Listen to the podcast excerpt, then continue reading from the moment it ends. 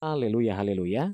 Puji Tuhan kita berjumpa kembali dalam Renungan Podcast Harian bersama saya Yudi Seda Daniel di hari ini Selasa tanggal 9 Februari 2021. Renungan kita pada saat ini berjudul Menyediakan Waktu dengan Bijak.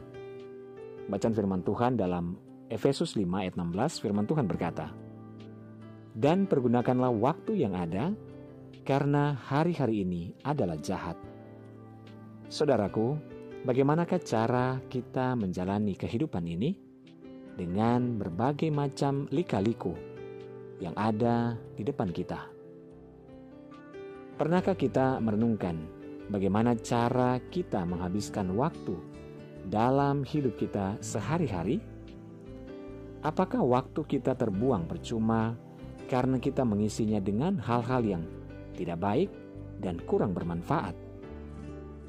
Saudara sediakanlah waktu untuk bekerja. Itu adalah harga sebuah kesuksesan. Sediakan waktu untuk berpikir, itu adalah sumber kekuatan. Menyediakan waktu untuk bermain, itu adalah rahasia awet muda. Menyediakan waktu untuk membaca, itu adalah sumber hikmat dan kebijaksanaan.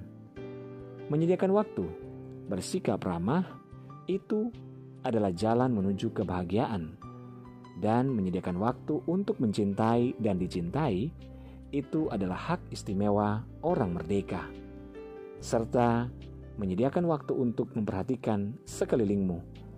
Hari-hari kita terlalu singkat untuk bersikap egois, oleh sebab itu, pedulikan dan perhatikanlah orang-orang di sekitar kita.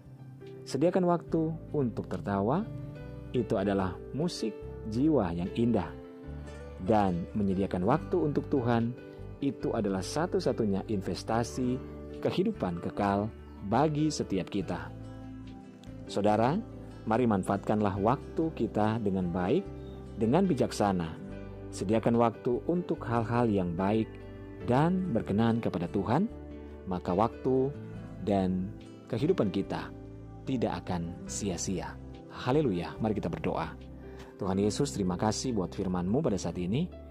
Kami serahkan kehidupan kami dan setiap waktu kami ke dalam tangan Tuhan. Pimpinlah dan tuntunlah kami Tuhan, supaya kami dapat mempergunakan waktu kami dengan baik dan bijaksana. Terima kasih Bapa, dalam nama Yesus kami berdoa dan hamba berdoa Tuhan buat seluruh pendengar renungan podcast harian ini di mana pun saja berada. Baik yang ada di Indonesia maupun di seluruh mancanegara, dalam segala pergumulan yang berbeda-beda Tuhan tolong. Yang sakit Tuhan jamah sembuhkan, yang lemah Tuhan kuatkan, yang bimbang Tuhan berikan ketetapan hati, yang bersedih berduka bahkan kecewa Tuhan hiburkan. Bebaskan yang terikat, lepaskan yang terbelenggu ya Bapa. Berkati setiap keluarga, rumah tangga, suami, istri, anak-anak, dan orang tua dalam anugerah dan berkat-berkat Tuhan. Dalam nama Yesus kami berdoa. Haleluya. Amin. Puji Tuhan saudara tetaplah bersemangat dalam Tuhan. Mulailah setiap hari kita dengan membaca dan merenungkan firman Tuhan. Hiduplah dalam ketaatan dan ucapan syukur kepadanya. Tuhan Yesus memberkati.